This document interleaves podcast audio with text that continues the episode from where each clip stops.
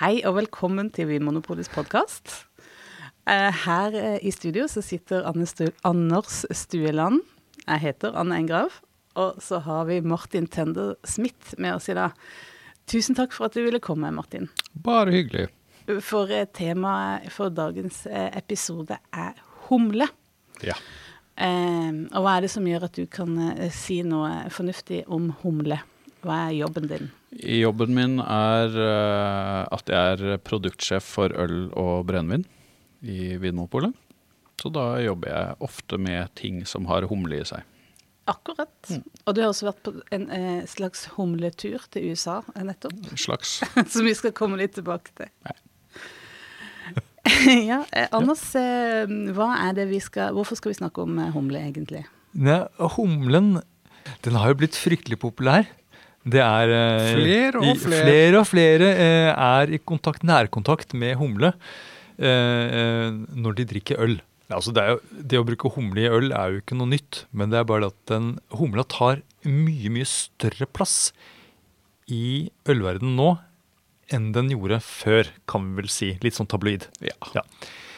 Men øh, De fleste vet jo sikkert hva humle er, men vi kan vel kanskje ta en sånn rask gjennomgang av hva ja, det, det er for noe, og hvordan humle blir brukt i ølbrygging, før vi liksom går inn på dagens bruk av humle? Ja, kan vi ikke gjøre det? Mm. Må alt øl være humla? Nei. Nei. Må ikke det, men uh, det er veldig lurt å humle det. Ja, hvorfor? Ja. Uh, og det handler jo om uh, de stoffene i humlen som konserverer ølet. Ja, for det, eh, I humla så er det stoffer som eh, bakterier og gjær og sånt noe ikke er så glad i. Mm. Mm. Sånn at eh, hvis man da ikke bruker humle, så må man bruke noe annet. Einelog, f.eks. Ja, jeg tror nesten du må forklare hva einelog er for noe. Bryggevann hvor du da har hatt uh, einekvister i. Så sånn uttrekk? Ja. Eine, Einerte, liksom? Det har litt samme kvaliteter. Um, I noen uh, Altså i Belgia så bruker de jo en del gammel humle spesifikt fordi at den ikke skal smake eller lukte noe, men bare gi den konserverende effekten. Um, kan jeg komme med et uh, megateit spørsmål? Det er sikkert ikke så teit. Ja, det er ikke insekt humle vi snakker om. Nei, ikke sant? Det, er ikke, det er ikke det. Det er en plante. Er en men, det, men, det, visste du, Anne. Jeg visste det, men akkurat når du satt og snakka om det nå, så var det akkurat som jeg så for meg masse gamle oh, ja. humler. Sånne gamle inntørka humler. Sånn, vi, som ligger i vinduskarmen? Ja. Vi samler inn dine gamle humler. Uh, og så bruk. Det hadde tatt seg ut. Det er sikkert noen moderne bryggerier som har uh, Tenkt på det, i hvert fall. I hvert fall tenkt på det. Kanskje ikke gjort det. Ja, Så det er en plante. Men du var inne på også alternativet til humle, og du snakket jo nå om Belgia, hvor bruker, eh, noen bryggerier bruker gammel humle. Mm.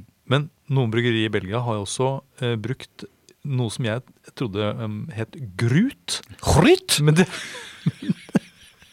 men det uttales da grut. Eh, Noe sånt. Som er på en måte en sånn eh, ølets svar på bouquet garni, som, eh, for de som liker å liksom, holde på på kjøkkenet. Som er på en måte en sånn suppekvasten, Akkurat. men som er på en måte en sånn kvast av ulike typer urter. Ja. Ryllik og pors og, og, litt andre røtter og urter, som da brukes for Av samme grunn da, som man bruker humle.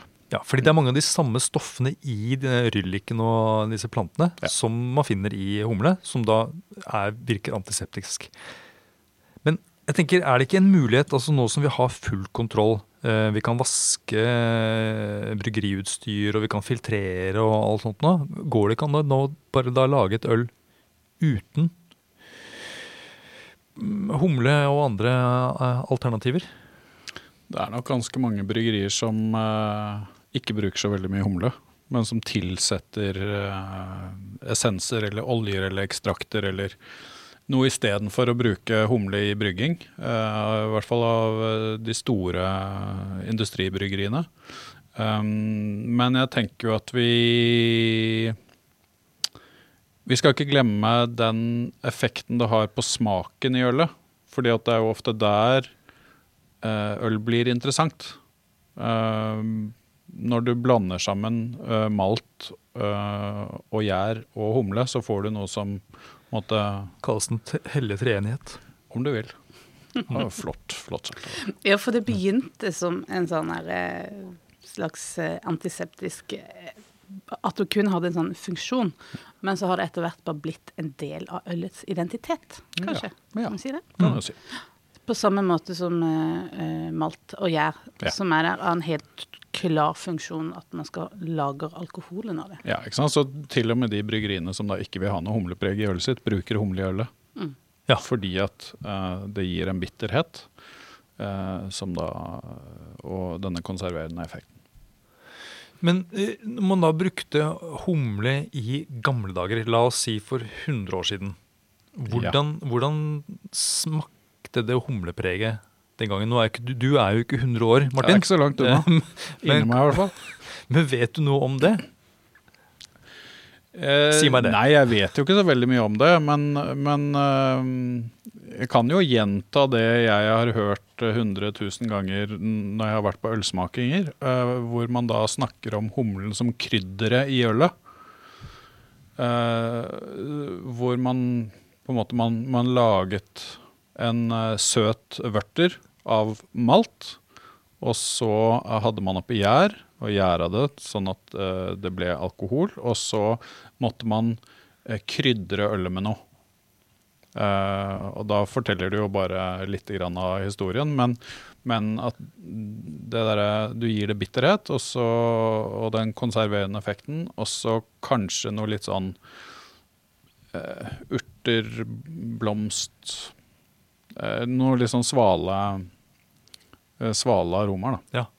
Jeg ser for meg at den, det der gammeldagse humlepreget, eller det klassiske humlepreget, eh, hvis vi ser bort fra bitterheten, er noe som minner om en litt sånn eh, sensommerblomstereng, hvor eh, liksom stråene begynner å gulne litt. Hvor du får dette liksom preget preg av sånn tørket høy, te, kamille og sånne. Ja, og, og det handler jo om hvor humlen kommer fra også. Fordi at eh, fram til for 20 år siden så var jo mesteparten av ølet vi drakk eh, nei, europeisk. Eh, her i Norge i hvert fall. Um, vi drakk eh, lagerøl fra kontinentet og Norge, og så drakk vi kanskje litt ale fra England. Eh, og humle som vokser i England eh, og nedover i, eh, i Europa, det har andre eh, s- Altså andre aromaer og smaker enn humle som f.eks. vokser i USA. Men sier du nå at det er eh, klima og jordsmonn som gir smaken, eller er det sånn at eh, amerikanerne har andre humlesorter? Begge deler. Begge deler. Eh, du kan ta en humlesort og dyrke den i USA, Australia eh, og Europa og få tre forskjellige resultater. Um, og så er det jo da noen humlesorter som, som egner seg bedre til dyrking i spesifikke områder. Men um, har du noen navn på eh, noen sånne si, klassiske europeiske humlesorter? Ja Tettnanger, eh, Hallertauer, Mittelfry. Eh, og så har du disse flotte East Kent Goldings og Fuggles, Ja. som eh, er engelske mm, varianter. Og hvilket preg er det de setter på ølet, da? det? Nei, det er litt det Anders beskriver. da. Litt sånn sensommer, blomstereng, urtsval. urt, sval mm, Ja, litt sånn tørket blomst. Ja. Te. Ja, Så litt dempa aroma. Ja, men veldig fin eh, når du får den liksom i riktig eh, mengde da, i forhold til malt, maltpreget. Eh, og hva med, Har du noen eksempler da på noen av disse amerikanske humlesortene? Ja, er, de har mange kule navn, og så har de en del navn som eh, er på en måte steds, stedsnavn eh, fra Yakima Valley f.eks., som er eh, da en av de største humleregionene i eh, verden, som er på nordvestkysten av USA. Eh, der har de jo eh, en gammel traver som eh, Chinook, f.eks., eller eh, Cascade. Ja, Cascade er jo navnet på fjellkjeden som øh, går oppover nordvestkysten. Um, Sitra. Nå har jeg jo sagt tre humler på C. Nettopp. Simcoe er jo også en. Eh, Det er også et sted eh, i området der. Um, Og dette er da humlesorter, de som du nevnte nå, som har blitt utviklet i USA. ja. Og hva, hva smaker og gjør de med ølet? Hva de gjør med ølet? Har de noe til felles? Ja, altså Det det de har til felles, er vel at de, de brukes mer for aromaen sin enn eh, bitterheten de tilfører. Um, de er Også i denne sammenhengen så kan det være relevant å snakke om at eh, ting fra USA er litt sånn større og eh, litt mer eh, nesten vulgært enn det europeiske. Hvor de europeiske humlene har litt sånn fine blomstertoner og urter og litt sånn balsamisk svalt. Så er gjerne de amerikanske humlesortene sånn mango og, veldig sånn tropisk frukt, sitrus, og mye rikere, da. Mye mer aromatiske. Det passer veldig fint inn i dette bildet jeg har av uh, Mitt fordomsfulle bilde av europeere og amerikanere. Liksom jeg har på en måte en sånn distingvert fyr med cordfløyel og, og sånt noe. Fra, eh, det er den europeiske humlesorten. Og så har du da en litt sånn brautende fyr i, eh, I slippers. i, i slippers og hawaiiskjorte. Mm. Uh, Som da er litt sånn Og sigar. Ja. Men, men de kan jo være altså, De kan være veldig, morsomme. Oh, ja, ja. eh, De, disse, På fest. Disse slippersene med hawaiiskjorte. Ja. Men vi, har, vi, vi nevnte så vidt dette med bitterhet, for det er jo også relevant. Det er både aromaene som vi har snakket om nå, og så er det den strukturen Ja. humla gir også. Og da, hvis vi skal fortsette det liksom fordomsfulle bildet vi tegner opp nå, de europeiske, er de litt strengere og mer strukturerte? Altså mer bitre? Ne- Nei, det handler mer om bryggeren som bruker humlen. Eh, Det er han som er bitter. Det er heldigvis veldig mange bitre bryggere der ute som, eh, som gjør en veldig god jobb for å fremme godt øl. Men ja, altså det, det handler primært om at når du tilsetter humlen under brygging, eh, og tilsetningstidspunktet eh, vil da fortelle oss om det gir mest bitterhet eller mest aroma. Og jo tidligere i prosessen du tilsetter humle, jo mer bitterhet gir den humlen. Mm, Litt er... som når du trakter te, f.eks. Altså hvis du lar teposen ligge veldig lenge i vannet, så vil, så vil du trekke ut mye mer eh, bitterstoffer av, av te. Og så hjelper det vel at det er høy temperatur. ikke sant? At det, du, må nesten ko du må koke humla nesten for å få ut Ja. eh, ordentlig med bitterhet. Stemmer på Ja. en prikk. Og så er det jo eh, fordi eh, det er, Du kan tilsette da humla mens man koker vørteren. Mm. Og så eh, settes da vørteren til gjæring. Ja. Og da er det også noe som tilsetter humla. og det er det som da kalles tørrhumling. ja, tradisjonelt eh, så ville man tørrhumle ølet etter at gjæringen var ferdig. Akkurat. Men nå i det siste så har det blitt ganske trendy å også tørrhumle under gjæring. Eh, og jeg tror at eh, en av grunnene til det er at du da veldig ofte får et veldig uklart øl. Og det er veldig in. Ja, akkurat. Mm. Og så er det noe som heter våthumling. Ja. Eh, og, og det er litt forvirrende, fordi den, eh, all den humla som brukes i øl, den humla blir jo våt Ja. når den senkes ned i ølet. Men eh, så hva, er våthumling, da? Um, det handler da om uh, tilstand til råvaren før tilsetning i øl. Uh, at du da har fersk humle som ikke er tørket. Det er våt humle. Ja, nettopp. Så den er rett fra, uh, rett fra åkeren. Uh, Og det er, jo, sjel- det er jo sjeldent, er det ikke det? At, uh... Ja, det er sjeldent uh, i regioner som ikke er humledyrkende regioner, og så er det mer vanlig der du på en måte har bryggerier rett ved siden av humleplantasjen. Da. Ja, for, for den våte humla da, som tilsettes, eller den helt ferske humla, det er jo mer som en slags sånn konglelignende blomst. Ja, det er det.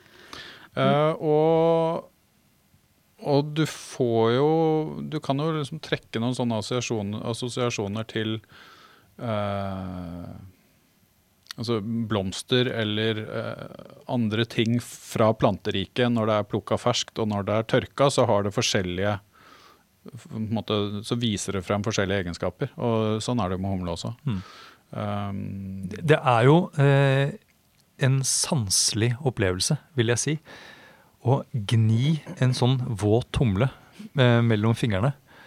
Og så blir det sånn seig av sånn harpiks-lignende stoff. Og så lukter det jo masse deilig eh, frukt og krydder og sånn furunålsaktig. Mm. Det, er- en intens opplevelse. Ja. Jeg syns det var veldig gøy første gangen jeg eh, fant humle i en hekk i nabolaget. Eh, og faktisk kunne liksom plukke noen humleblomster og lukte på det. For det, det lukter jo veldig godt. Mm. Jeg har prøvd å plante det i haven, faktisk. Jeg er den eneste i verden som ikke har klart å få den til å vokse. Vi vil jo prate sammen til høsten, for jeg planta i fjor, så jeg er også litt spent. Men hvis den ikke er da fersk, eh, eller våt, eller hva du skal kalle det, eh, hvordan kan man da bruke det i produksjonen? I uh, brygging i dag så uh, bruker man som regel pellets, hvor da humleprodusentene tar eh, disse blomstene og prosesserer det og gjør det om til pellets som de vakuumpakker og fryser. Og så kjøper da bryggeriene det som vakuumpakka frosne eh, pakker. Ja, det, de kvernes sammen, og så blir det noe som ser ut som sånn muggent uh, dyrefôr. For da har liksom grønn, grønnskjær. Og så nevnte du også essens, at du kan bare rett og slett tilsette smak. Ja. Og da er det aroma du da tilsetter. Ja, Ja, for det fins sånne, ekstrakter, og så fins det også noe som heter humlepulver. Det er liksom eh, noe av den Lupulinpulver. Ja, det er liksom noe av det kuleste nå, har jeg skjønt. Og da, på en måte, eh, da får man liksom bare den der deilige humlearomaen. Ja. Ja, ehm, men går det an å spise humle? Er det, er det godt? Anbefales ikke. Man kan vel sikkert lage te? Ja. Ja. Det går an. Jeg har hørt rykter om at i Belgia, eh, at de, når liksom humlehøsten starter, de aller liksom ferskeste, nyeste små humlene, humleblomstene eller konglene, de blir servert sånn eh, lettkokt med Og jeg vet ikke, jeg regner med at det er en eller annen saus, siden vi er i Belgia, en eller annen saus med en del Hollandes. Sikkert noe fett. En majones, kanskje? Nykokt humle med majones? Ja. Herlig. Men jeg syns jo du, du var innom noe viktig i stad, Anne, og dette med struktur. Altså humle som strukturelement. da. At, uh, at det er en veldig viktig del av den jobben humle, humlen gjør i ølet. Og, og fremdeles i dag hvor aromahumle er mye viktigere enn det det har vært, så er fremdeles eh, humle som strukturelement i øl eh, en sentral del av hva som jeg mener gjør øl interessant og spennende i utgangspunktet. Ja, nettopp. Eh, og har det noe å si med ulike ølstiler også? Er det noen eh, ølstiler der du tenker at her er det greit at det ikke er, er bitterhet? Her er det bare aroma? Jeg er vel eh, såpass gammeldags av meg at jeg mener at et eh, øl skal ha bitterhet. Uansett. Uansett. Men det er jo grader av det. Um, veldig mange av de, måte, de nye typene India Pale Ale de har veldig lav bitterhet, og omtrent ingen bitterhet. Uh, ja, jeg jeg syns de mangler noe, gjerne. Fordi at det er et strukturelement av ikke så mange i øl som blir borte. Men sånn som eh, tyske hveteøl, Mm. f.eks. Det er jo en, en tradisjonell ølstil der det er nesten ingen bitterhet. Mm. Og det er jo Savner du bitterhet der? Nei, men der har du, der har du fenolene og esterne fra, fra, fra gjæring som måtte gjør litt samme, spiller litt samme rolle, på en måte. Um, eh, du får struktur i ølet på en annen måte. Nettopp. Mm. Ja. Og det er vel eh, Nå må dere rette på meg hvis jeg tar feil, men det er jo ikke en øltype som er kjent for humlepreg. Men den er hum, det er humla, det også, ikke sant? Det er litt humle der. Men det er som du sier, den er jo ikke kjent Veldig, for veldig for humlepreg. Nei. Og mens IPA er jo kjent for å være et uh, humlepreget øl, uh, både med bitterhet og en del aroma. Mm. Men så har da trenden gått mot mer og mer voldsom humlearoma og mindre og mindre bitterhet. Ja. Det er jo ikke mange år siden det var uh, en konkurranse mellom en del bryggerier å lage mest mulig bittert øl Det bitreste ølet, ja. det bitreste ølet. Og det finnes jo en sånn internasjonal eh, måleenhet for, for humlebitterhet som kalles for eh, IBU. International nei, Bitterness Units. Ja. Eh, og jeg tror rekorden hittil er da 2400. Gratulerer med dagen. Ja, eh, Mens en IBU for en, en pils, da, som er en øltype som de fleste kjenner til, den ligger nede på i underkant av 50. Som regel sånn 25-35. Men, men altså da, når man da har et øl som da har eh, 2400 i, IBU eh, kan man drikke det? Hvordan smaker det? Jeg har aldri smakt det. Jeg ser for meg sånn, han derre Chili Klaus som spiser sånn ekstremt eh, Ekstremt sterke chilier. At det fins en sånn Humle-Klaus som skal drikke sånn ekstremt bittert øl. Ja, men det kan hende, det. Men eh, det som er interessant, er jo at uh, det er veldig avhengig av hvordan du uh, Altså hvordan du brygger uh, ølet. Du kan ha et ekstremt bittert øl, altså i, i teorien veldig bittert øl, men som oppleves som relativt lite bittert, fordi at det spiller hele tiden mot eh, graden av maltsødme. Sånn at hvis du har en høy eh, grad av maltsødme i ølet, så kan du dra på ganske heftig med humlebitterhet uten at det oppleves som ekstremt bittert. Og det er jo akkurat der jeg syns uh, India Pale Ale er en interessant ølstil, fordi at du har disse komponentene som spiller sammen. Uh, du, har, uh, du har et tydelig maltpreg der som spilles opp imot humlebitterheten og humlefruktigheten. Um, og det er i hvert fall noe jeg setter pris på da, i en, i en god eh, IPA. Um, Men har du smakt et sånt eh, sånn super-IBU-øl?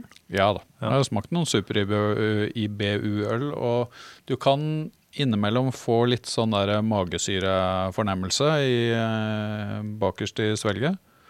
Så det er ikke nødvendigvis så Som om du Positivt. nettopp har kasta opp, ja, liksom. litt. Men er det et sånt øl man, med, liksom, man skal tøffe seg med, eller man skal bruke til å rense skiene når man er på påsketur, eller? Kanskje litt av begge deler. Nei, det er nok en, et lite element av uh, å tøffe seg, kanskje.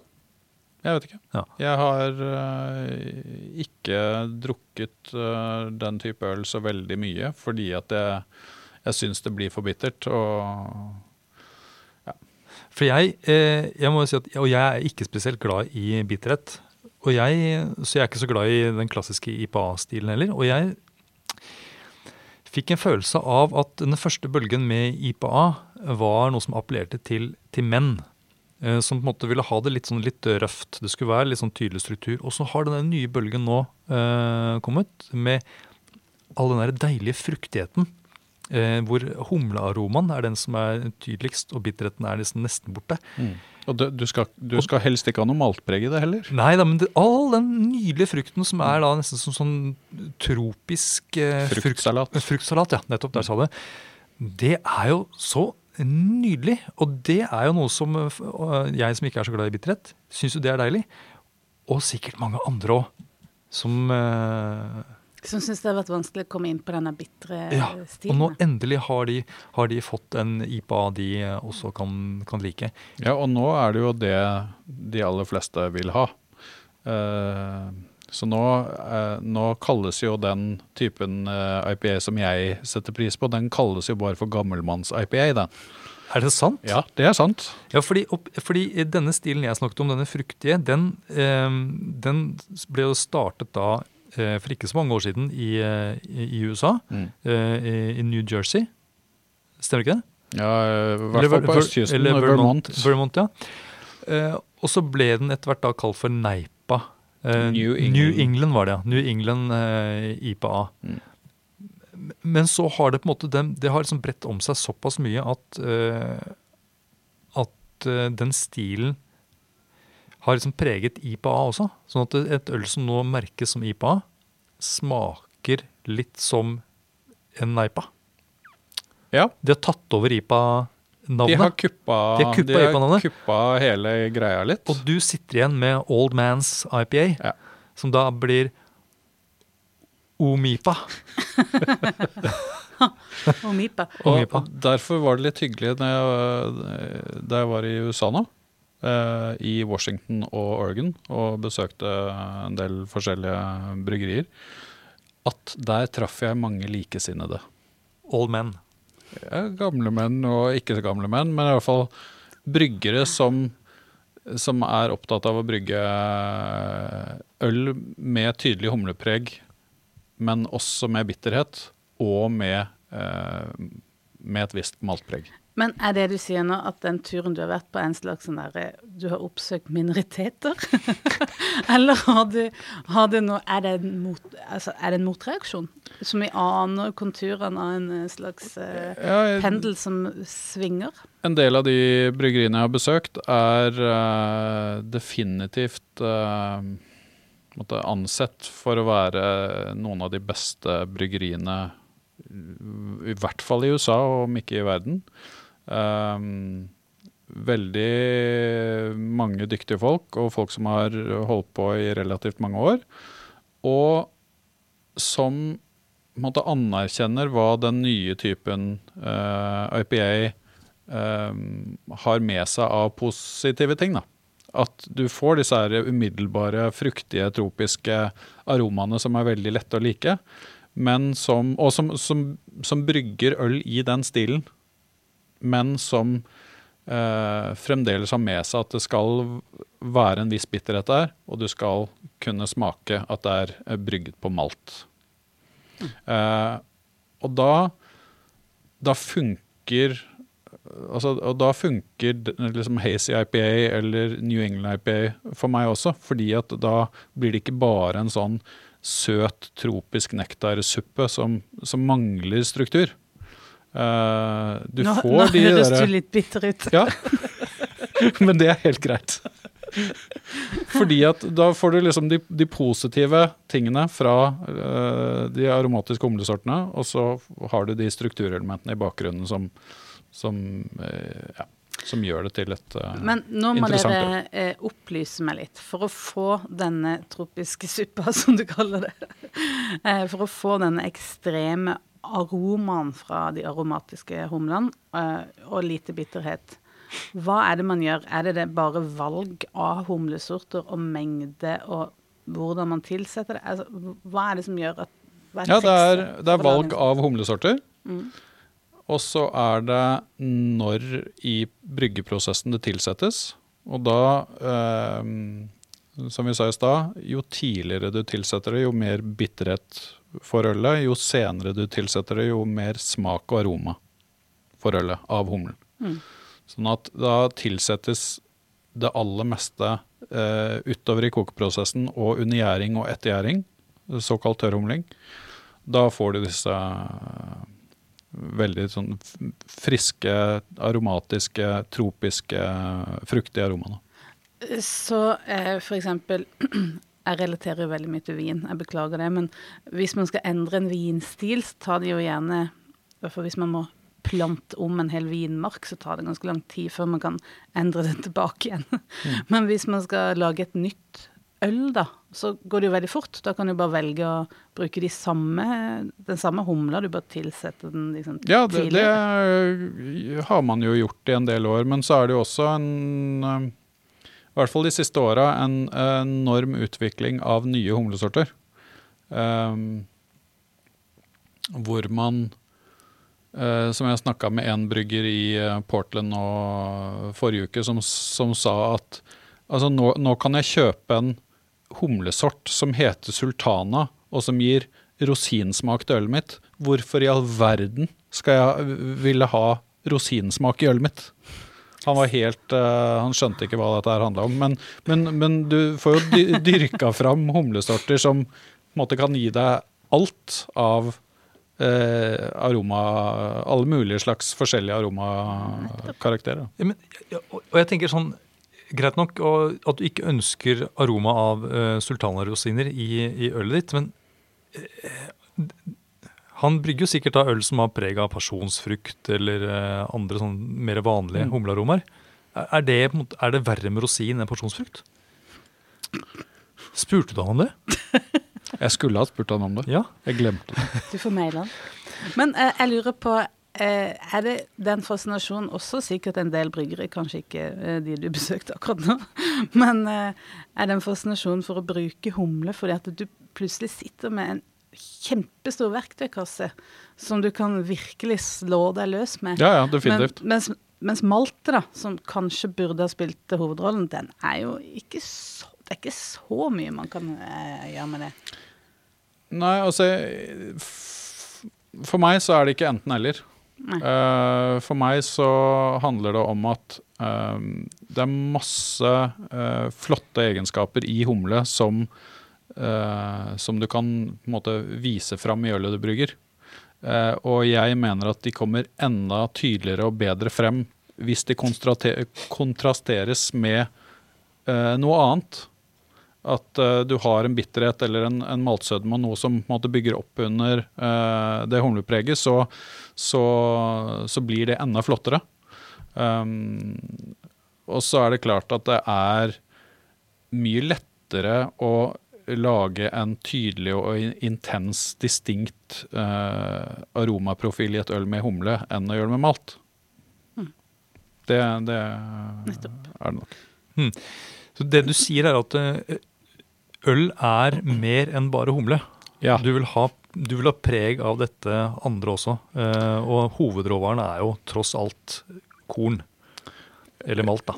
Ja, altså vi, vi, Man bruker jo da malt og humle og gjær og vann. Ja.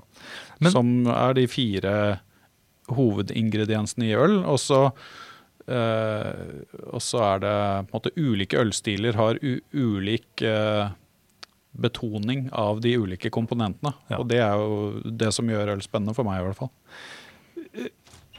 Du snakket jo om, eh, om vin i stad, Anne. og og nå har vi snakket om eh, utviklingen av mange nye humlesorter. og det eh, egentlig de siste 20 årene og vel så det, så har det jo vært eh, mye oppmerksomhet rundt eh, humlesorter. Og de navnene på disse humlesortene dukker gjerne opp på etiketten, eller i hvert fall på baketiketten, da, på sånne såkalte mikro, mikrobryggeriøl eller håndverksøl. Og vi, altså det, som, det vi kan sammenligne med, er jo um, det som vi kaller for endrueviner i vinverden. Eh, som var nesten en, kanskje ikke en motreaksjon, men i hvert fall en løsning da, for vinindustrien. Som eh, tradisjonelt var preget av eh, viner fra vinområder. Og, du, og, det navnet du så på etiketten, det var f.eks. Bordeaux. Men det sto ingenting om vindruene som var brukt oppi. Du måtte, du måtte ha kunnskapen om hva Bordeaux eh, var, og kanskje da vite hva som var druene i, i Bordeaux. Mm. Eh, og så eh, Og det var det mange som kanskje følte seg liksom litt utafor. Og så skjønte vinindustrien at eh, la oss heller sette liksom, vindruenavnet på. Og det var mange av disse nye vinlandene som gjorde det. Mm. Australia blant annet. Og det var en kjempesuksess. Og jeg tenker det der, Dette med å ha da navnet på den hotteste, kuleste, nyeste eh, humlesorten, Sitra f.eks., som bare navnet forteller jo egentlig hva den humlesorten bidrar med i aroma, nemlig mm. sånn sitrusaktig aroma. Da slipper du å forholde deg til noe annet. Du slipper å egentlig ha noe kunnskap om eh, hvilken ølstil det er. Noe. Du ser denne humlesorten, og da skjønner du egentlig instinktivt hva, hva det er for noe. Ja, det, og det er jo en fin ting, det. At du litt sånn ja, At du veldig lett kan forstå noe om hva dette vil uh, smake eller lukte, eller begge deler. Um, så hvis det da står IPA og så Citra f.eks., så, så, så vet du kanskje en del om det produktet uten å kunne så mye om øl. Det er jo fint. Um, Og så er det så, så, så skaper jo det Eller det kan i hvert fall skape en sånn et race, det òg. Et jag etter å da komme med den siste, kuleste humlesorten. Og, og liksom at det er viktigere enn at ølet er godt brygget. Og det er vel kanskje der jeg blir en av de litt sånn eh, eldre reserverte som tenker at nei, nå, nå er det nok. Nå har det blitt for mye sultanerosiner. Nå syns jeg det går altfor fort. Men ja, for det, jeg tenker um, um, En vanlig måte å ha orientert seg i en ølhylle, hvert fall sånn som det har vært, har jo vært gjennom øltyper eller ølstiler. Mm. Eh, men er det sånn at dette humle humlegalskapen har på en måte bredt seg utover alle stiler. Å ja, det, ø- har man- ødelegger, man visker liksom- ut forskjellene. Nå blir det vanskeligere å orientere seg i ølstiler lenger. At nå må man bruke humle. Som en Jeg tror kanskje det var litt vanskeligere for noen år siden. For da var eh, Altså Nå har man på en måte India Pale Ale som lekegrena si, og der kan man gjøre så mye rart at uh, man trenger liksom ikke å utforske noe annet. Uh, for noen år tilbake så var det jo veldig mange som brygget um, det som for all enkelhets skyld heter, eller blir kalt for black IPA. Altså en, en mørk India Pale Ale, eller Cascadian Dark Ale som det egentlig heter. da, Som er en type porteraktig øl med humleprofilen til en IPA. Eh, eller White IPA, som var en litt sånn fusjon av eh, hvitt, altså belgisk hvittbier, og IPA. Um, som eh, for så vidt var interessant i gode tilfeller. Eh, men nå opplever i hvert fall jeg at man nå liksom fokuserer man veldig mye av dette her på å, å se hvor mye man kan putte oppi en IPA. eh, og fremdeles måtte slippe unna med å kalle det for det. Så man bruker jo ikke bare masse humle, man, man bruker jo eh, melkesukker og eh, frukt og bær, og liksom lager India Pale Ale-tolkninger som da er stappfull av sødme og, og frukt i ulike varianter, da. Hva syns du om det? Trenger du virkelig å spørre om slikt?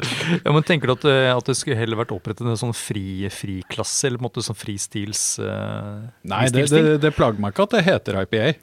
Uh, men, men det som jeg kjenner at plager meg litt, grann, er at er, nå er det det som er IPA. Hvis ikke du lager IPA-en din med lav bitterhet, lite maltpreg og enorm humlearoma, så, så, så lager du liksom ikke IPA. Sånn har det blitt litt nå.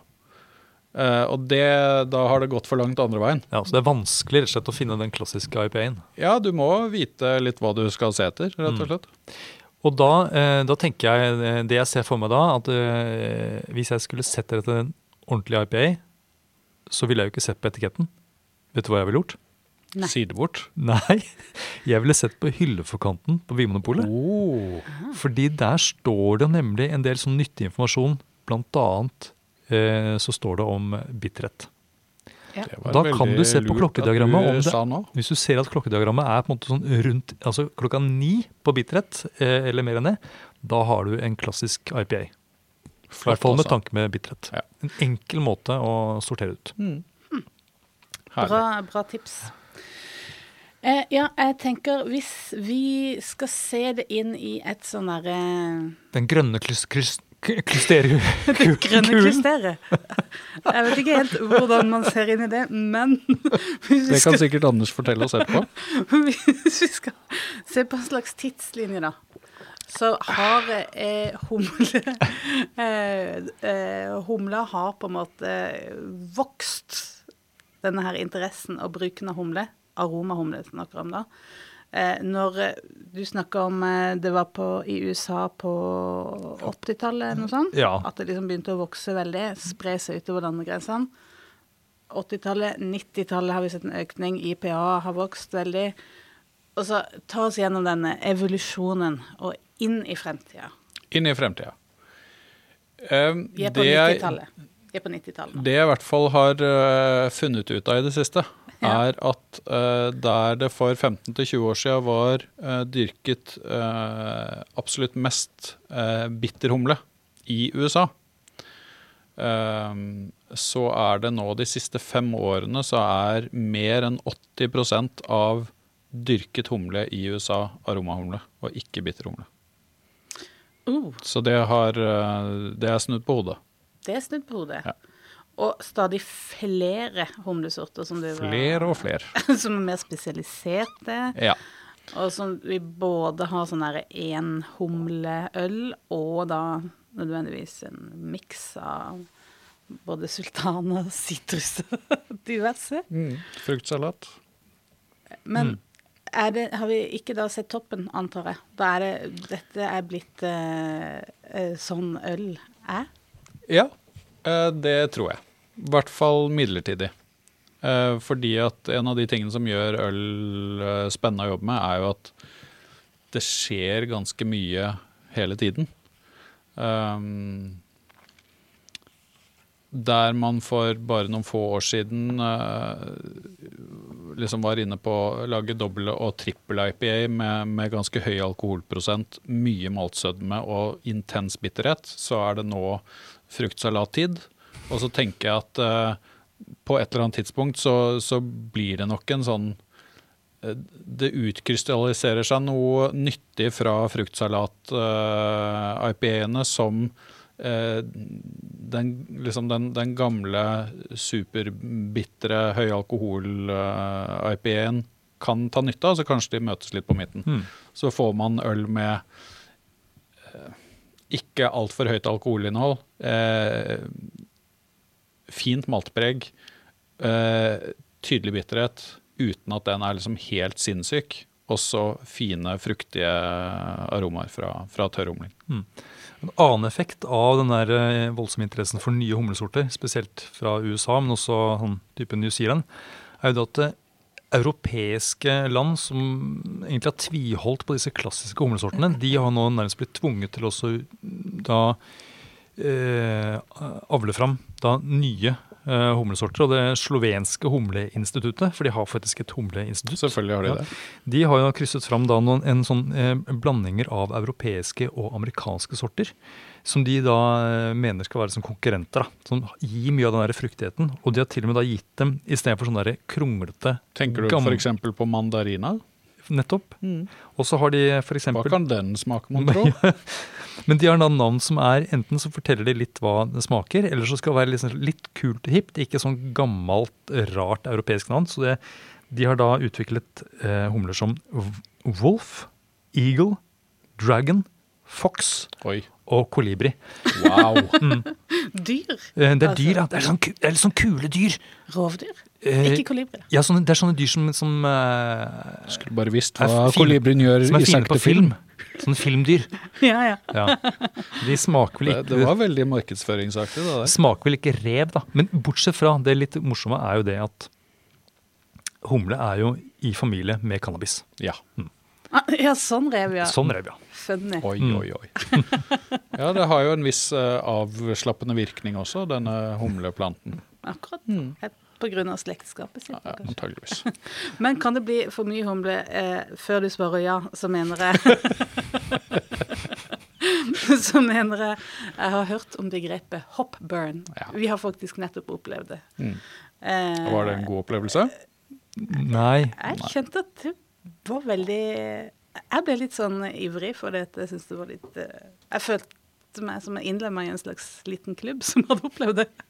Det var jo en kroppslig opplevelse. Ja. Eh, og jeg klarte å håndtere det. Men det, og det var en sånn overraskelse som også var litt som begeistring. fordi nå har jeg opplevd det som jeg har lest om. Mm. Ja, Og jeg hadde ikke lest så mye om det. Jeg ble så skuffa, jeg. Fordi det, var så, fordi det ikke var en mer intens opplevelse. Nei, for at eh, Er det virkelig eh, Skal dette være, skal dette være noe bra, tenkte jeg. ja, men eh, Sier folk at det er bra med hoppet? Det, det er vel noe man er litt sånn stolt av, da, kanskje. At man driver og drikker øl som gir deg hoppburn. Ja, har du Men- fått hopperen? Ja, jeg har fått hopperen. Å, jeg ja, ja, ja. Ja. Ah, ja, Må ja. spre seg. Ja. Men eh, forklar meg nå. Hva er hopburn? Det er eh, det, Den sviende fornemmelsen du får i halsen Ja, når, den du, har jeg opplevd. når, du, når du drikker øl eh, med så eh, mye humle, og, og som er så ferskt at eh, ja, at det rett og at det svir i halsen. Men det, er, det minner om en sånn blanding av halsbrann og sånn chilisvie. Ja. Som kommer litt ganske langt bak i svelget. Det var helt klart en, altså en nesten sånn taktil følelse. Mm. Men hvorfor kommer det, sier dere? Er det mye humle og fersk humle? Eh, Det er i hvert fall det jeg eh, har plukket opp. Jeg har ikke brydd meg så veldig mye om hoppørn, kjenner jeg.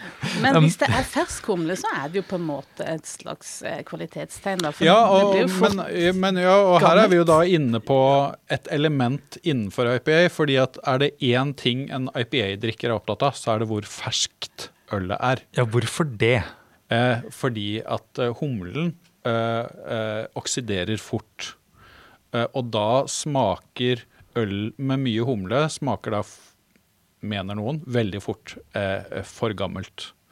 Sånn at eh, man er jo på desperat jakt etter siste batch. Ja, akkurat det ølet som er ferskest mulig, Ja. og, og, det, og bryggeriet må da liksom tappe med en gang, få det kjørt ut i en eh, feiende fart. Mm. Og der står da IP-kunden klar, Der står de og venter nettopp. med stoppklokke. Ja, klar for å få hopperen. Fordi Ja. eh, her er på en måte fordi problemet da er at hvis, det, hvis du bruker mye humle i ølet, og det er for ferskt, så er det da noen forbindelser i ølet som gir dette, denne svinefornemmelsen. Og så sier bryggeriene at eh, ja, la, la det stå nå i to ukers tid, så er det antageligvis borte. Ja. Så hvis, hvis ikke folk hadde hatt så innmari dårlig tid, Så hadde de sluppet. så hadde de sluppet topperen. Men det er, så er Men spørsmålet så- vil- de slippe det. Det er jo på en måte et bevis Jeg da, tror på at du har ikke de vil slippe det. Nei, for da har du fått det ferske stølet. Um, Men du er litt sånn nedlatende nå. ja. Er det, er det noe galt i å ville ha fersk humle òg nå? Uh, nei, det, det er ikke galt, det. Men, men eh, det er noe med at um, på et eller annet tidspunkt så ble det sånn at en, en IPA som var eldre enn eh, fem uker, var liksom udrikkelig. ja. Og, og det er ikke sant. Enkelt og greit. Da tar du feil. Uh, den, det som er interessant med øl, er jo at det utvikler seg uh, ettersom det blir eldre. Uh, og en fire-fem uker gammel IPA som er brygget for å være på topp når den er fire-fem uker gammel, det er helt prima. Det kan være en kjempegod smaksopplevelse, men det ølet kan fremdeles være en god smaksopplevelse etter seks måneder. Mm. Det blir bare annerledes.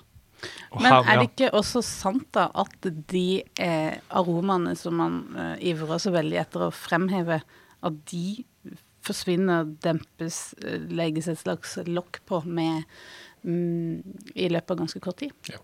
Det her- stemmer. Kan jeg skyte inn noe her? Fordi her eh, Dette her handler jo også om lys og temperatur eh, og tilgang til oksygen.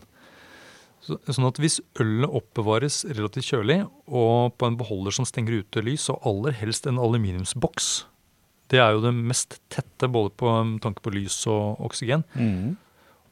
Da holder den humlearomen seg lenge. Eh, men det er klart, står, denne, står det i en flaske som er helt klar i glasset, uh, som står da eh, varmt og kanskje utsatt for sollys, da går det fort. Og jeg Ja, da blir det uh, relativt fort dårlig.